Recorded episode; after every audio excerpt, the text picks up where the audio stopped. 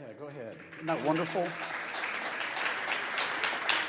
You see a whole next generation connecting to God like that. I tell you, we went on and had a move of God that night. It was, it was really awesome. And I just, I just feel so privileged to sit among them and to be with them and to be pouring into them. I feel like a like I'm starting all over into like a whole nother generation of people working with them. I, it takes me back to when I worked with Eric and Tiffany and CJ and I look at the men and women of God that they are today, and now we're like working back down into a whole nother generation. And I'm really excited about seeing who they're going to be and what they're going to do.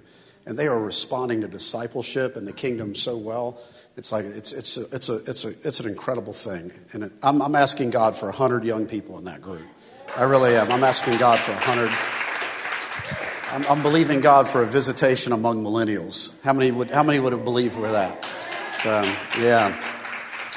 Well, I'm going to get ready to get started. It's a little bit loud up here on the stage. CJ, I don't know where it's coming from. I'm already fussing. I'm not, already, not, not I'm already just starting to speak. But uh, what I want to do here is, I had like three people come up to me this morning before I got ready to speak, and they were all like just saying things. And I said, Well, you know what? You're basically tapping into my message. So, what I'm going to do is, I'm just going to line all three of you up, and I'm just going to let you begin to speak and then I'm going to jump up and preach behind you. Is that okay? And so, how many know we got a bunch of preachers in this building?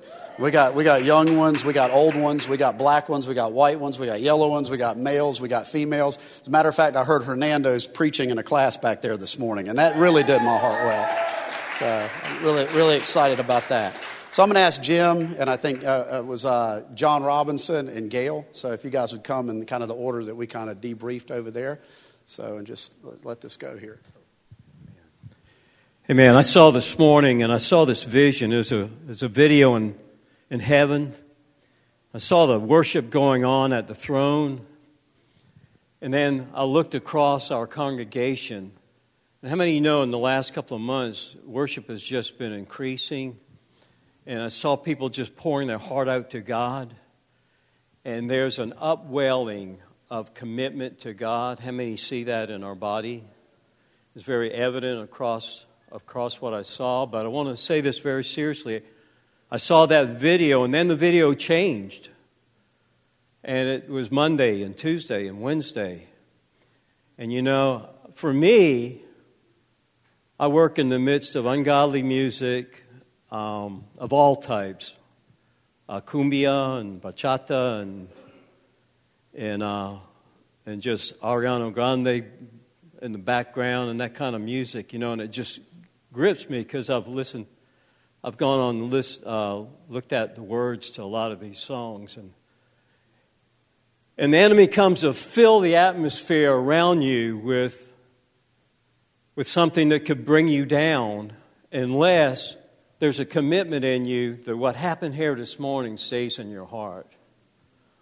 When I share with people, whether I'm in a, a, coffee shop or I'm at work or I'm on the street and I've got somebody and I'm pouring my heart out to try to get them to see the great, great the good news that we proclaim, and that all that atmosphere is in the background, I have to have it in my heart to take what, come, what happened here this morning and take it with me, and it's not going to affect me. Amen? But what I saw in the Spirit was another picture, another video of the, the multiplying, the, this exponential growth amongst our, our congregation to where people are in our congregation, you guys are going to take this with you throughout the week. And I saw it building and building and building until there's a revival amongst us. And so when you're in the midst of the world, it's not like I can't find God. I mean, we can find this atmosphere in our car, we need to find it in our home. We need to find it when we're with each other. But sometimes you don't have the authority at your job or at your uh, place, wherever, to change the atmosphere of music that's bombarding you. Amen. And, and it can be a downer, but if you'll commit yourself to say, God, I'm going to stay, because worship is really a barometer of where you are in God. Worship is a barometer of where you are in God. And so, if you'll keep that worship with you as much as you can and take it with you, I saw in the Spirit that this congregation is going to get the spiritual guts, I call it. I call it just plain spiritual guts to get out there and proclaim the good news that people are out there hurting, dying, and without Jesus. Amen. Amen. You know, as we were worshiping this morning, the Lord just kind of took me back to a picture of, you know, even in the pre prayer, He just kept showing me the garden, the garden, that His desire is for, the, for us to live in that garden and to recreate and to re enter that garden. And then as we were up here singing, He began to show me a picture of the tabernacle, uh, the Mosaic tabernacle in the, the tabernacle that Solomon built. And what He began to show me was we are really the planting of the Lord. We're really his planting. And we're like that tabernacle that was, you know, that was erected, where we've got that outer court, which Jim just kind of talked about the world. It represented the world. It just represented all the things that we don't have control over. But there is a beckoning to come into the inner court. And that inner court is was considered Israel's house. And it was where we can begin to offer up. You know, right before in that inner court, you know, you had the showbread, you had the laver, but you also had that offering of incense, right? That sweet aroma. And that's what our worship and praise is. And then the call to come, not just to stay there, but to call others from the outer court into the inner court but then so that we can all go in together into the Holy of Holies. And I just see the Lord saying that He wants us to be that, but this is what He likened it to with regards to the garden. He said, You know what? You're that planting. You're like that seed that I've planted in this region, right? This church is a seed planting, it's the Lord's planting. And He wants us to be able to go deep, deep, deep down in the soil and that soil, again, may be that outer coat. It may be the world. It may be, be in the world, but not of the world, right? And and the goal and the desire is to see it become, begin to blossom and to begin to resemble that garden, begin to be the planting of the Lord. That seed begin to just reproduce, reproduce, reproduce in this ground until we have the very image and likeness of that garden. We're all living in that place, worshiping the Lord together in holiness. And I just saw that. And I just want to encourage us all to remember that when we come here, this is not just about us getting a fix for us, right? It's not just about us, but it's about us really understanding that God, you're planting us. You're planting us in that place. And I just saw that and I wanted to just share, share that we all remember that every time we are, you know, are, are challenged by the enemy. No, I'm the planting of the Lord. I'm the planting of the Lord. Amen.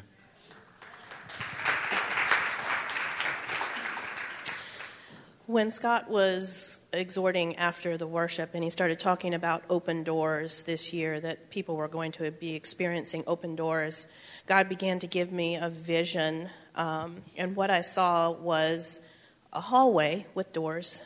And um, a lot of us, I feel like a lot of us are, they know that there's a door that's opening, but they're very comfortable in the room that they're already in.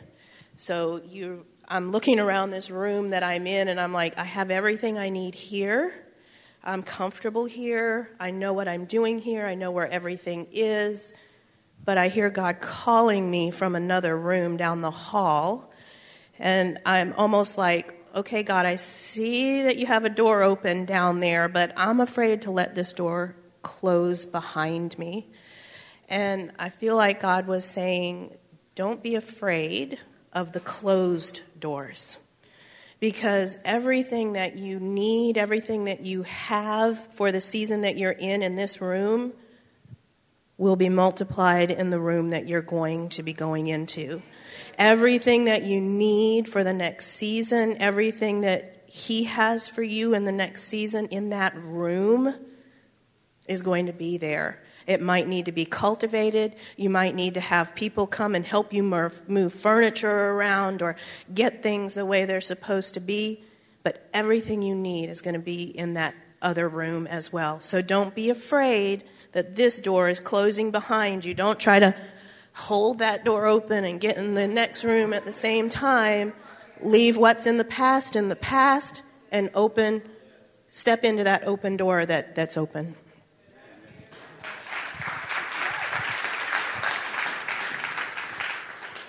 Oh, praise God. So I'm going to jump right into it here this morning. So we've been working out of 2 Timothy chapter 4. I'm not going to go back there, but we've been talking about where Paul told Timothy to fulfill your ministry. And so we've really been working around that theme that the, the word ministry actually means to serve or to fulfill your service. And so we really believe that this is a time and a season that this church is to begin to not look in, but to begin to look out. And so that's the season that's in front of us. And we want to see people begin to step into their ministry grace, their ministry call. And we want to see you released into the various fields and places that God has called you to be. So we're both going to be equipping, and we want to see release begin to happen and materialize. How many have caught the theme of that this season? How many have heard the, the Spirit of God and beyond my words? So we're beginning to move. We're starting to move, and things are starting to shift. And there's a lot of things that are going on in the background that we're working on to try to not only have people released in like the wild, wild west, but we also want to try to bring some level of administration and order and hear what's in people's hearts. I had a wonderful call with Alicia Dye last week on creating this grief ministry. Jason Flowers came up to me this morning, said there's doors that are beginning to open in the prison. And so there's, there's things that are beginning to mobilize. And one of the things that I believe is happening is we're moving in something. And I kind of just caught this phrase. I've never even heard it before. And I went on and looked at the internet after I, I said it. And, you know, and you, you can find a lot of good things on the internet, but you can also find a lot of bad things. But as I was praying last week, I felt like the Lord just dropped this phrase in me. Said, When you begin to move, you'll start stepping into the law of attraction. You'll start stepping into the law of attraction. And what, what I felt like he was saying to me in that was, is basically until you move, what you need doesn't begin to come to you. I want to say that again. Until you begin to move, what you need doesn't begin to come to you. Now, there's all types of new age stuff on the internet, so I don't advise anybody go there and look at it on, on uh, positive thinking, and you can think things into existence. And there's been doctrinal beliefs that have went through the church that if I can just think it, I can have it. And I don't, I don't want to fall in any of those type of ditches, but I do believe that when God begins to, to speak to people and we begin to mobilize with the Spirit of God, then He is going to cause things to come to us that we both need for the journey and the things that we're called to reach. But we've got to start moving. Come on, look at somebody and say, We've got to start moving. So when we do, things start moving. It's interesting that when Moses started to go back to Egypt, Aaron showed up on the road to walk with him in the journey. You know, when Philip went into Samaria, that's when he began to see miracles and signs and wonders breaking out. When Peter began to move towards Joppa, then God began to visit him about Cornelius' house. So there's something about moving in this season that as we start moving and mobilizing, the things that we want to see materialize are going to begin to come to us. So we're in this season of like a law of attraction. In our movement, God is going to collect to us what we need to fulfill his purposes. Okay, the second thing is, is I also believe that we're in a season of repentance. And that repentance may not just may, may be a heart thing or a, a place in your own heart, or it could be just a change of your thinking. The word repentance actually comes from the Greek word metanoeo, which means to, to uh, rethink or to reconsider. And so you could be going through a heart thing, or you could just be going through a mindset shift that's going on in this season. It's like we need to reconsider some things, we need to rethink some things. And there's a form of the way we see things that are being adjusted and realigned. Now, I heard, I heard a prophet preach a message one time, and he said, uh, he said don't, create, uh, don't, cre- don't create treason in your season. And uh, that's kind of that's a good prophetic cliche that you could work out of. But when God begins to move in seasons, you have to begin to adjust your mindsets. I really like what Gail was saying in that prophetic word. Because there's an adjustment that we have to embrace if we're going to embrace a new season that's in front of us. And what I don't want to do is get caught in an old day or an old season and miss the season that God has in front of me in an open door. Can, can you hear this this morning?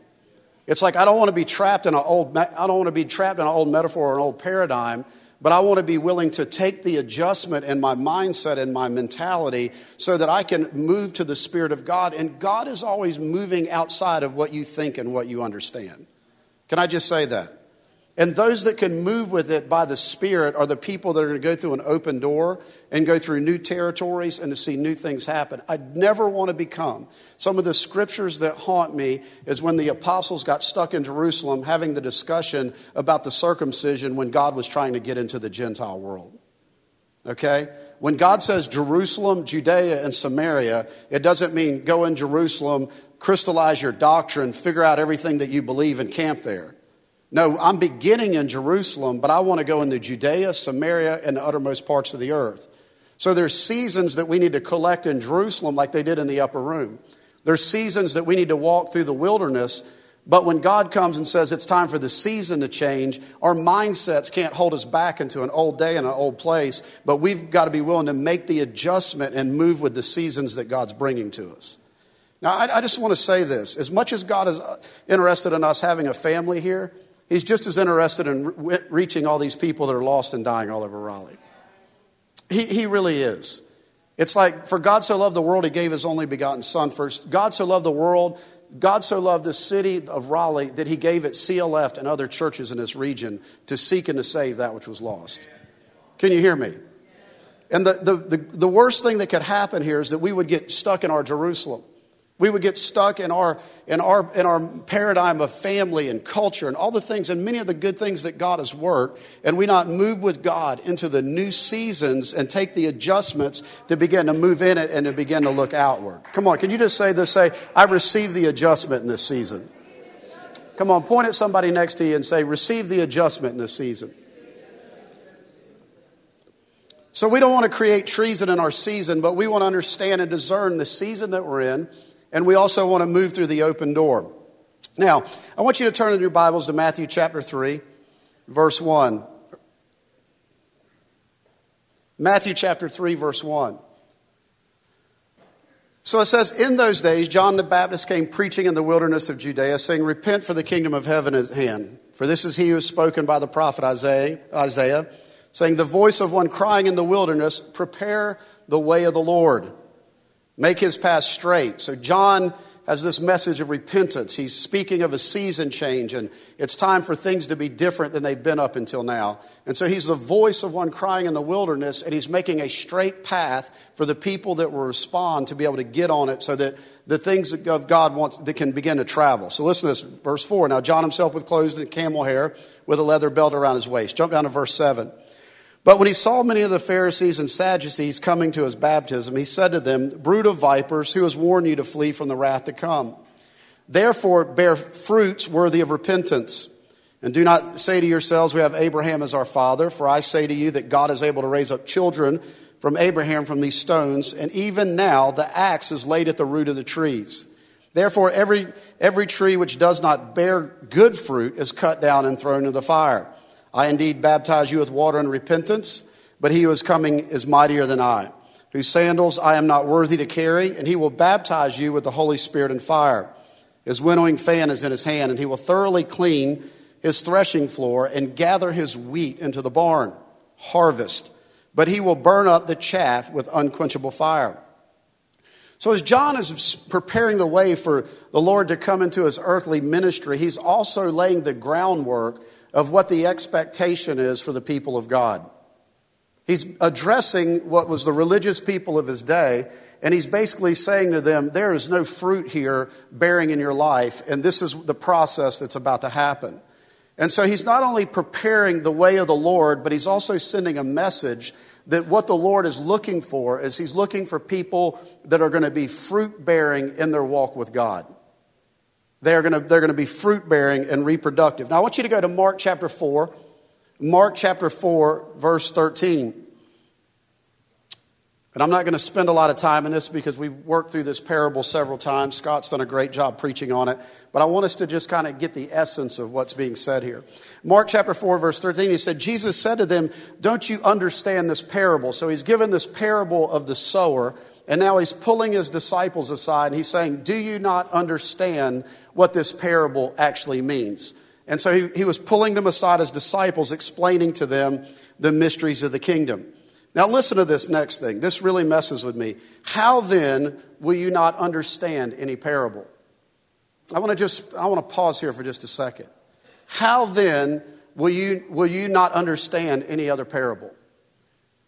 So basically, Jesus is saying it's critical that you get this parable above anything else. He's saying if you don't get this parable and you don't understand this parable, then you're not, none of the other parables that I'm even going to speak to you are going to begin to make sense. So listen to this. Verse 14 The farmer sows the word. Some people are like seed along the path where the word is sown, and as people hear it, Satan comes away and the word is, is sown into them. Others are like uh, sown on rocky places, hear the word and once receive it with joy, But since they have no root, they last only a short time. When trouble or persecution comes because of the word, they quickly fall away, and still others are like seed sown among the thorns. Hear the word. But the worries of life and the deceitfulness of wealth and the desires of other things come and choke the word, making it unfruitful.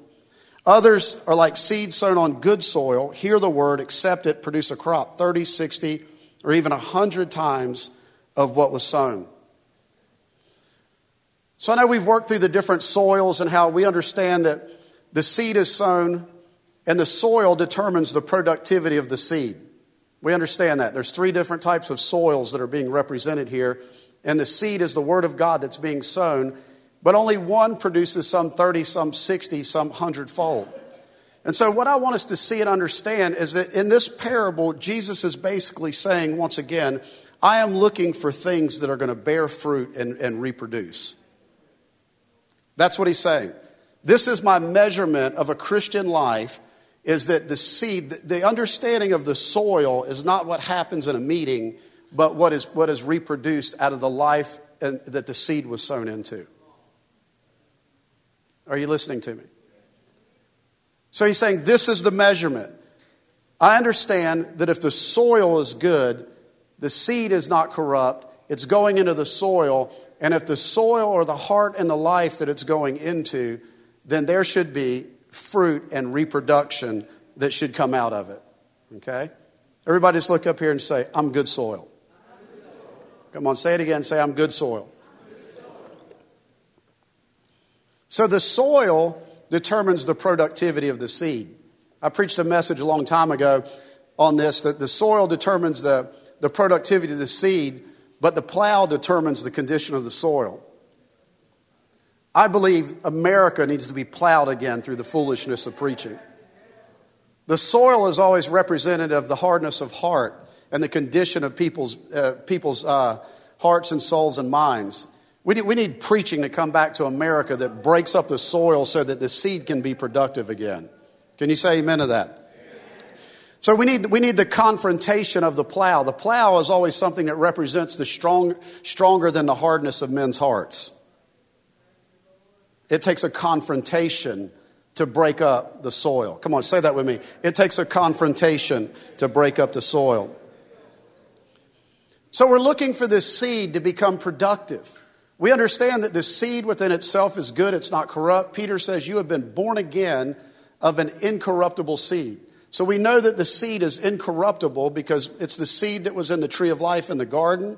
It's the reproduction of who Christ is inside of us. It's like we have been born again of an incorruptible seed. And so we understand that this seed is not corrupt, but the issue is always the condition of our own heart and our own life and what the seed is going to go into to determine whether it's going to reproduce and become reproductive.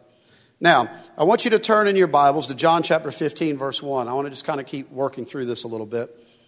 John chapter 15, verse 1. This is Jesus speaking again. He said, I am the true vine, and my Father is the vine dresser. Every branch in me that does not bear fruit, he takes away, and every branch that bears fruit, he prunes. How many love being pruned? Come on, look at somebody and go, You don't look like a prune, but you need to be pruned.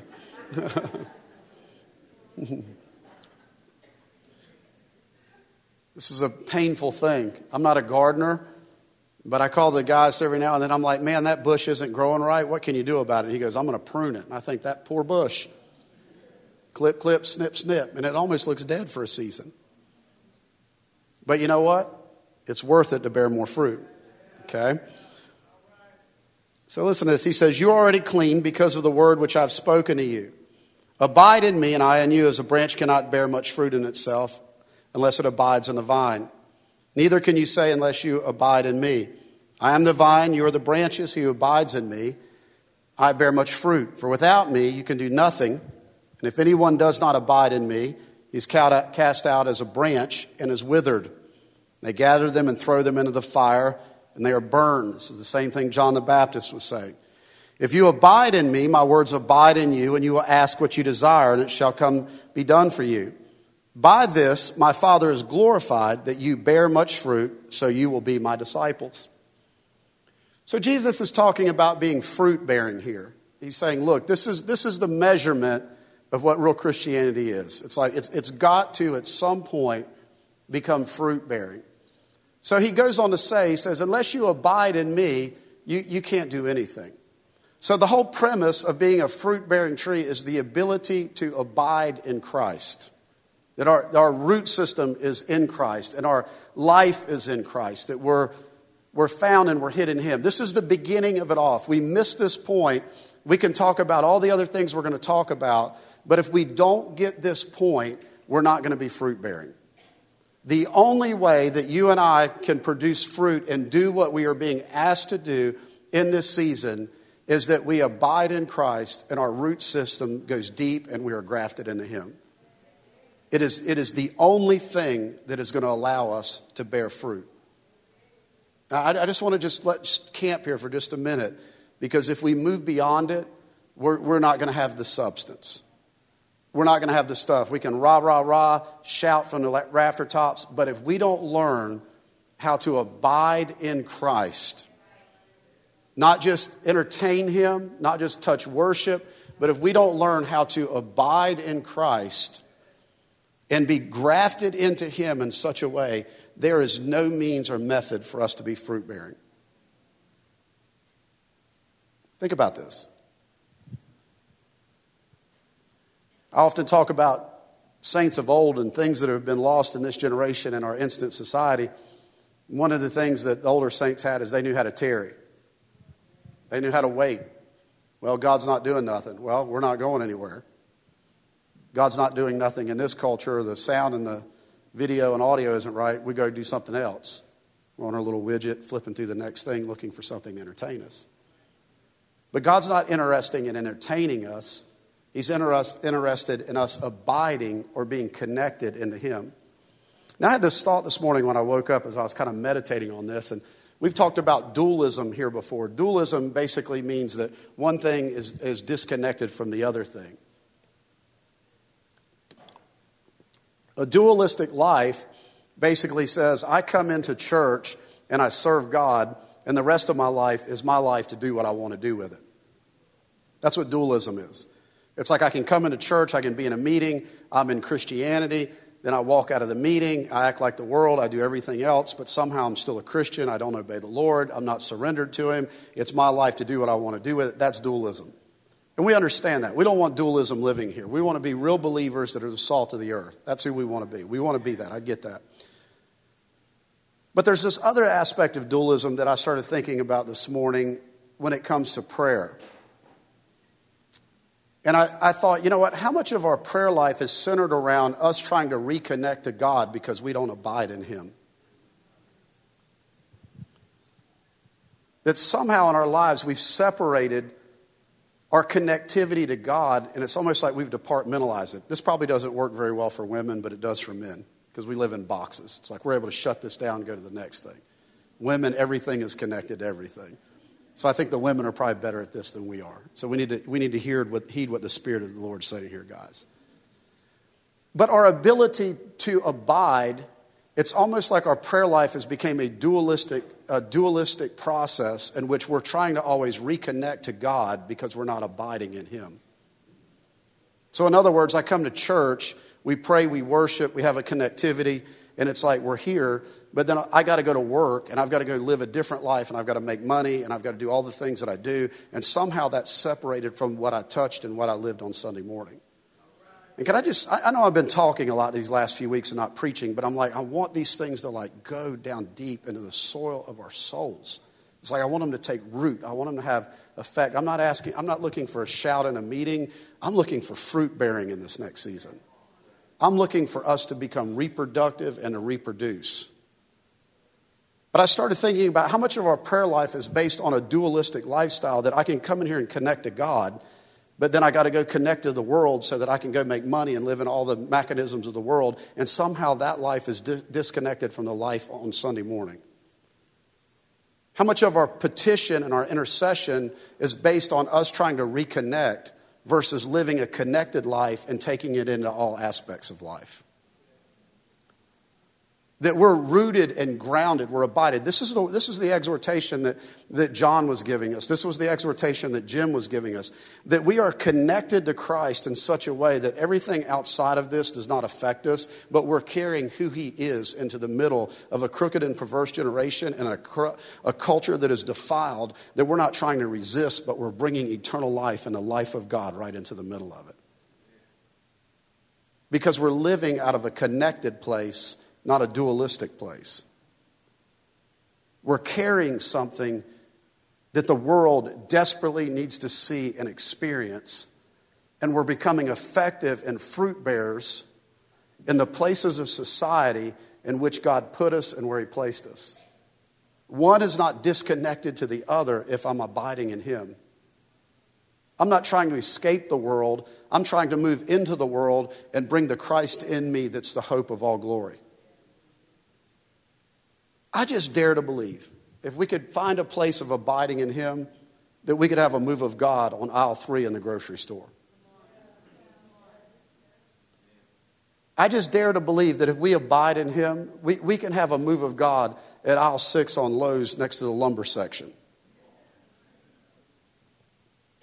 That if our connectivity would be that rooted and grounded in Christ, and we were so aware and so sensitive to who He is and what He's doing that we became opportunists and we could see through His eyes and hear through His ears, and we could begin to move like He moved when He was in the earth. The only way it's going to come is through a connected place. I'm not against intercession.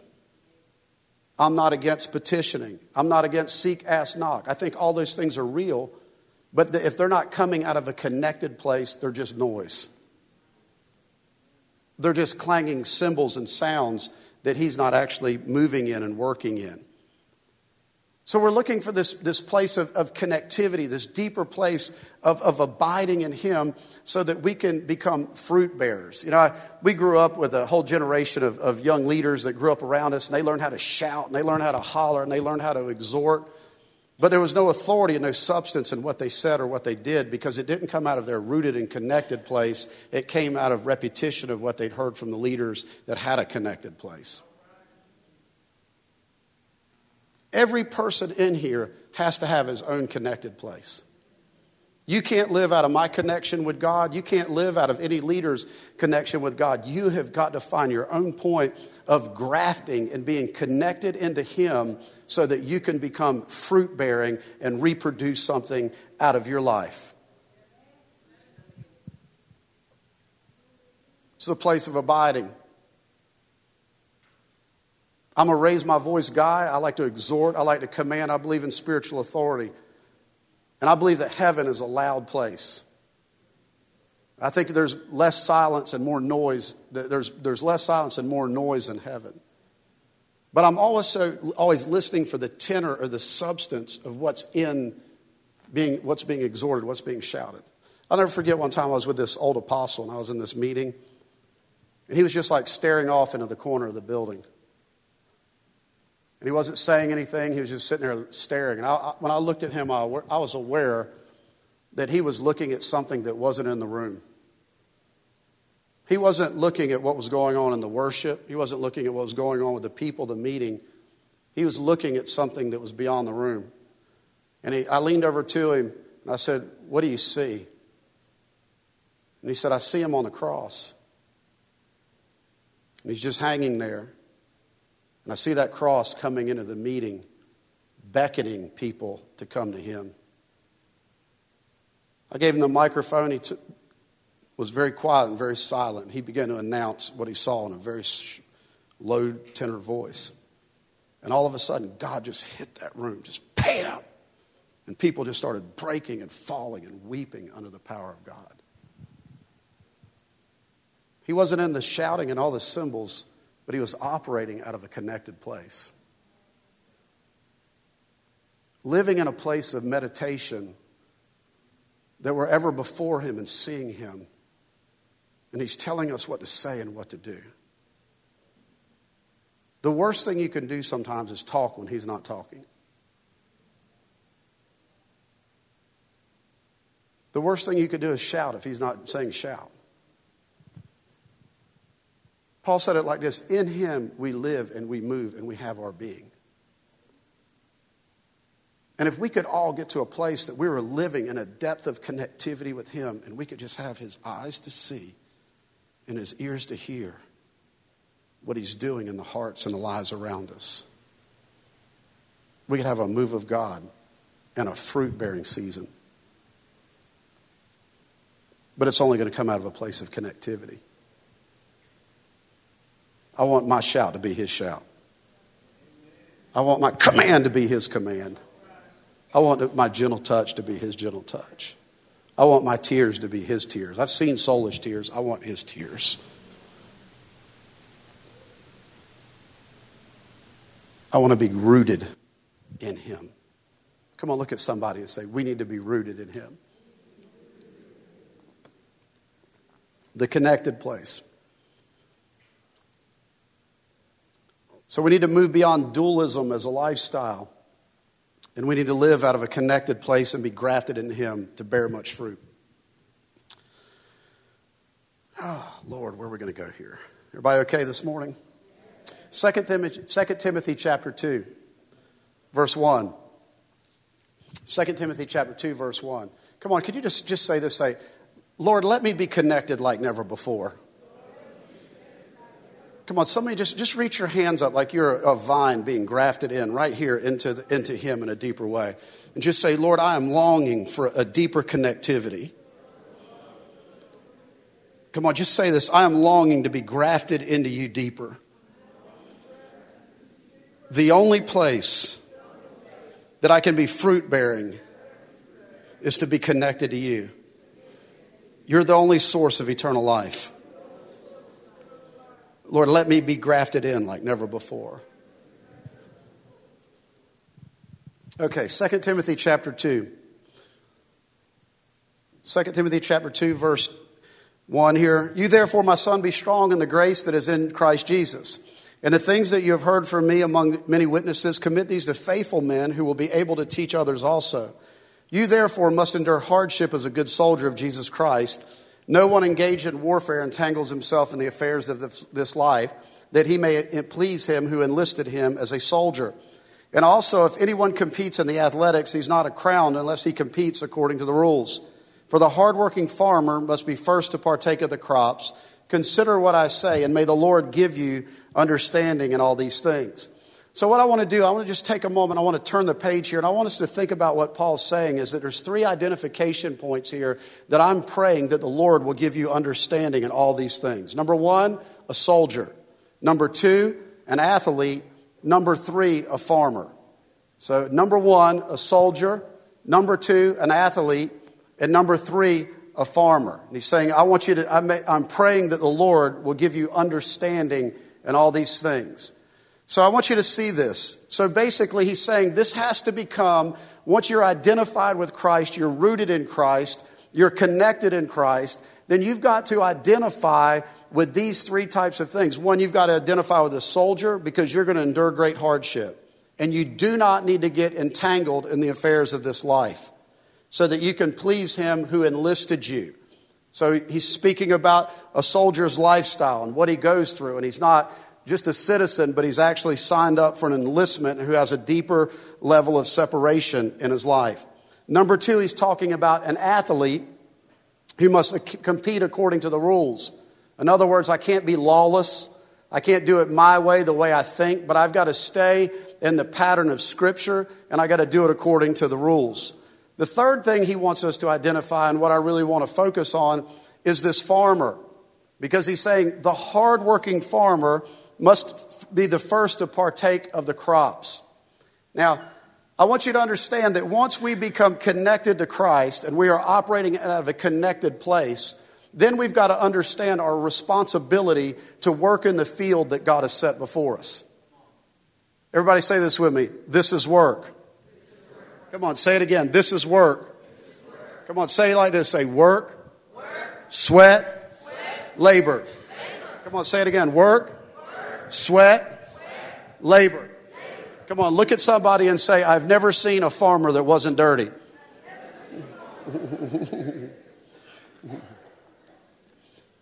so we've got to get into the work of this.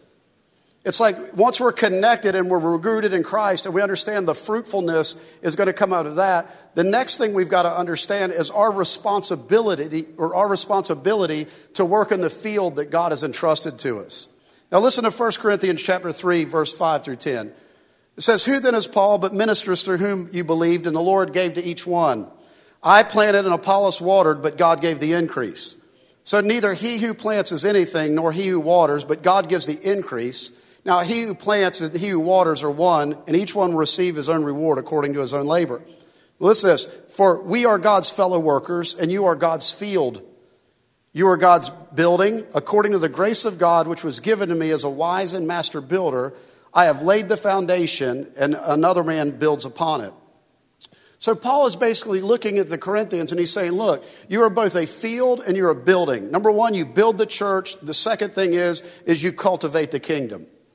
And so he's, he's speaking to these people both out of, out of a mindset as a builder and a master builder that understands what it takes to build the house of God. But he's also speaking in the context of a farmer that I understand what it is to cultivate the kingdom. And you're in this field and I am cult, I'm in a cultivating process so that I can have fruit and there can be fruit that will come out of your life that will live on and remain.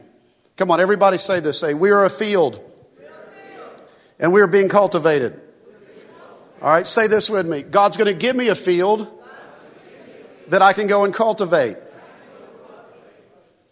So he's interested in the soil of your own life, the, the seed going in you, and the fruit becoming uh, abounding in your own life. But then when you come to a place of maturity, you become a farmer that understands your responsibility to cultivate a field or to cultivate a sphere. Remember, the soil determines the productivity of the seed. You have the seed, you have the Word of God living in you out of, the, out of being grafted in and being connected.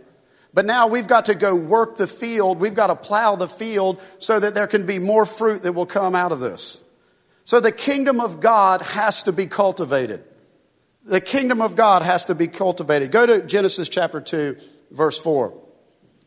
Genesis chapter 2, verse 4.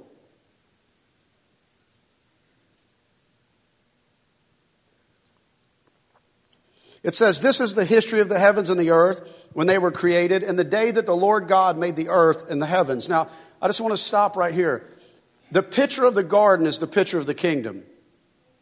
The picture of the garden is the picture of the kingdom. Verse 5 Before any plant of the field was in the earth, and before any herb of the field had grown, the Lord God had not caused it to rain on the earth, and there was no man to till the ground. There was no man to till the ground. Listen that. Before any plant of the field was in the earth, and before any herb of the field had grown, for the Lord God had not caused it to rain on the earth, for there was no man to till the ground. So, in other words, God knew that He needed a man that was going to be a steward and a farmer to cultivate what He was wanting to plant. So, until the farmer was in the location, the steward or the man and the woman that could cultivate the field, God couldn't send the rain to cause growth to happen. I got a question. We're praying for the reign of the Holy Spirit and the move of God, but is there a man that can cultivate what God wants to grow?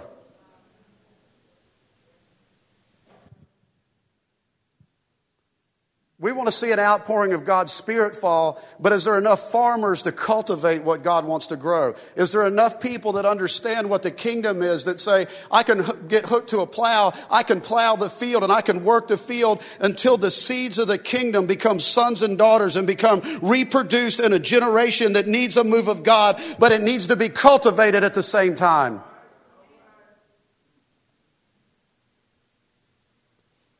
God said, I can't send the rain.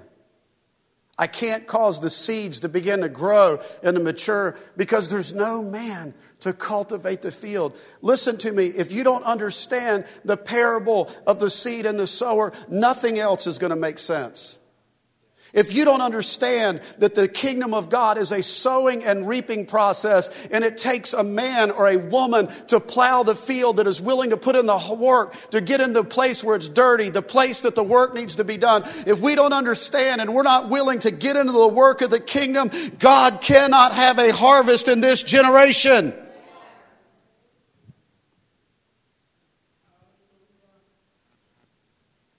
He can't send the rain. But when he sends the rain, is there somebody like Paul that will say, I understand what the kingdom is, and this is God's field. I'm willing to work in it.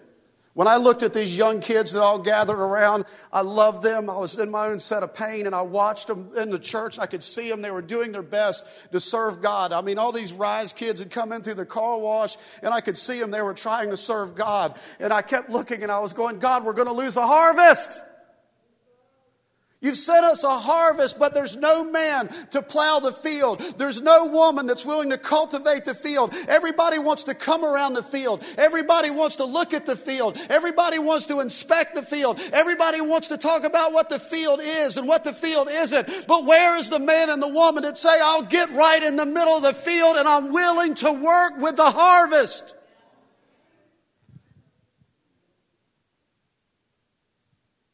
God wants to send the rain. But where's the man and the woman that will work the field?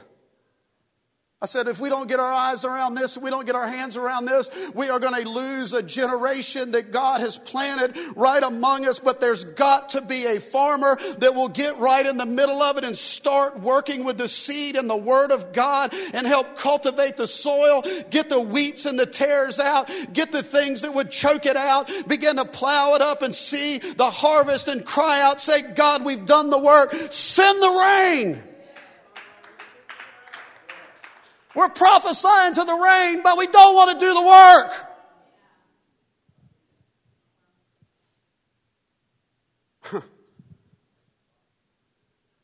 it's going to take somebody that's willing to be a farmer.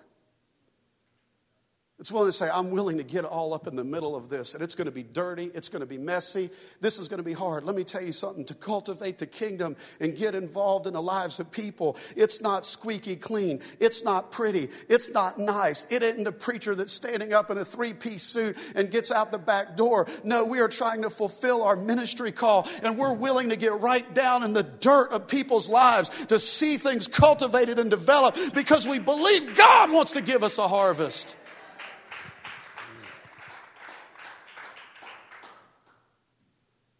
No man. There was no man.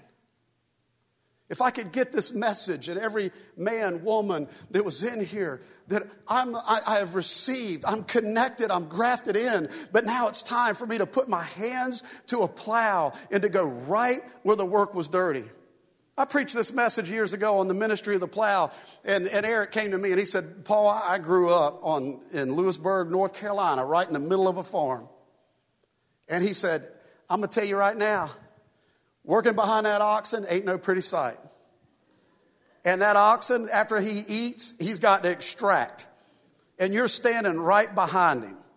And he said, sometimes that tail lifts up and what comes out doesn't smell good. And he said, You're in the sun and the dirt and the dust, and everything is like coming up. And he said, What you're talking about is messy work. It's messy work. But when do you love the harvest enough? To go, willing to get dirty. We can exhort this stuff, we can shout it all day long, sing about it, but until somebody is willing to get dirty, to have a harvest, to have a harvest. I'm doing my best. I don't want to live in any more inward conversations and inward conversations of philosophy and theology. I'm going, there are people dying and going to hell. I don't want to get self absorbed. I want to open my eyes. And I want to see that the harvest is plenty, but the laborers are few. Did God send you here to be a laborer? Then I need you to pick up the plow. I need you to do the work that He put in your heart to do. Not me, unto Him. There was no man to till the ground. Verse 8. But the Lord God planted a garden eastward in Eden. And he put the man who he'd formed. And out of the ground the Lord made every tree to grow that is pleasant in sight and good for the food. Nothing couldn't be cultivated until Adam and Eve were there. But when it was time, God brought the increase. We are called to have a reproductive life. The measurement of our Christianity should be the fruit that is born out of our own life and the reproduction that comes through our life as we work the field. This is the measurement of the soil. This is the measurement of our connectivity. We can talk about connectivity all day long, but if it isn't bearing fruit, then are we really connected? But if we're connected, something has to grow. Fruit has to be born. Do you understand that when Jesus Christ came back in the earth, that the tree of life came back among humanity? The thing that Adam and Eve touched and ate from, and they were separated from, the seed of that tree was put in a little virgin's womb that had not been affected by the seed of a corrupt and fallen man. And when that seed was born in the form of a person named Jesus, out of that incorrupted place, it wasn't his ministry, his anointing that captivated people. John said it best We have seen and we have heard, we've touched and we've handled eternal life because it dwelt among us. Jesus brought eternity back into the earth. If eternity is living in you, then it's going to produce life. I'm not living to go to eternity. I'm being grafted into eternity right now. The deeper I get grafted, the more eternal life produces something. My kids start having not, it's not just the seed of the knowledge and tree of good and evil, it's the tree of eternal life. They start looking like God's kids, they start talking like God's kids, they start groping to be like God because the seed is living on. But it's not just my four and no more, it's the field. It's the field.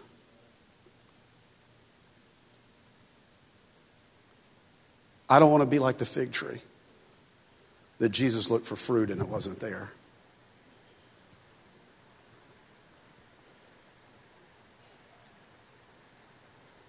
When he comes by to inspect, I want to go, Lord, here it is. Here it is. Here it is in Wesley. Here it is in Dylan. Here it is in Daniel. Here it is in John and his family. Roll up our sleeves and do the work. This is the season of not talking about things but doing the work.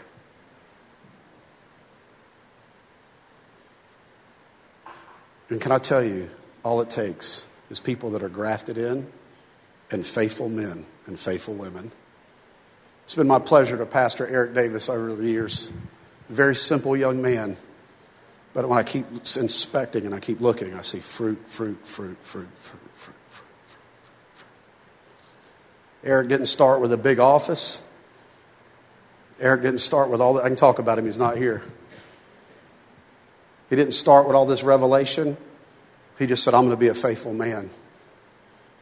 And what's entrusted to me in the kingdom, I'm going to put my hand to it and I'm going to do it wholeheartedly. And after over 10 years, when I look at Sam and Aliana, I go, fruit. When I look at Kyle and Keita, I go, fruit.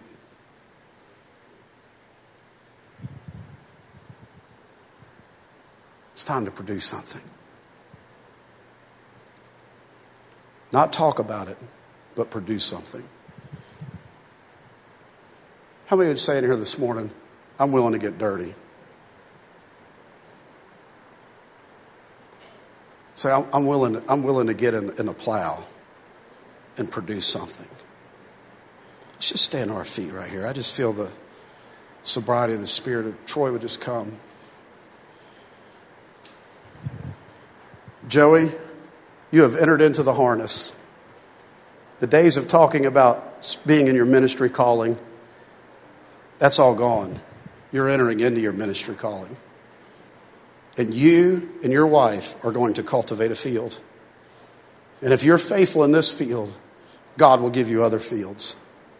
It's just that simple. It is just that simple. Just be a faithful man with what God has entrusted to you.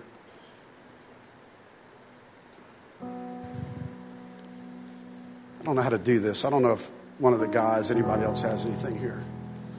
But somehow we need to respond to the call to be grafted in, and we need to respond to the call to cultivate the field. We've asked God to send the rain.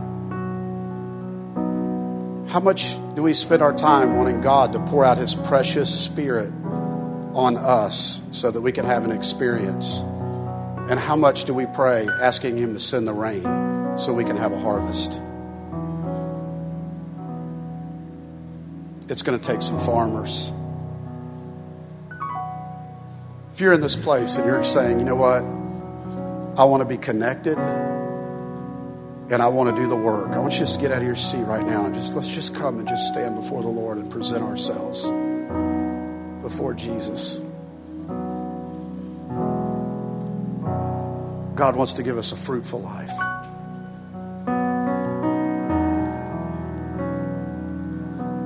A reproductive life. But we got to be willing to get dirty.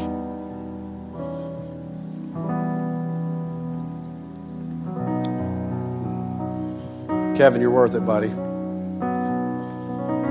You're really worth it.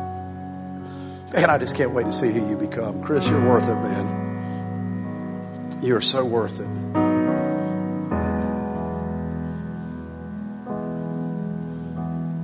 Lord, I hear the sound of the abundance of rain. Lord, the overwhelming outpouring of your spirit. But I also hear the sound of men and women gathering tools and getting equipment. Going, we're willing to roll up our sleeves and to go to work in this field. Lord, we know what it is to take up arms sometimes and fight. But Lord, I ask that in this season we would understand what it is to pick up the tools, to pick up the tools and go to work. Gail, you're going to work. You waited a long time, but you're going to work. God's going to give you a harvest. God is going to give you a harvest. God's going to give you a harvest. Just take a minute right here. However you want to pray, just pray. Just pray. Just pray. Pray your own prayer.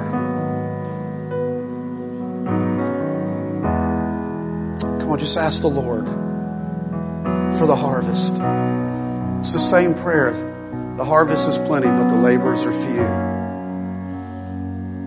Pray for the Lord of the harvest to raise up laborers.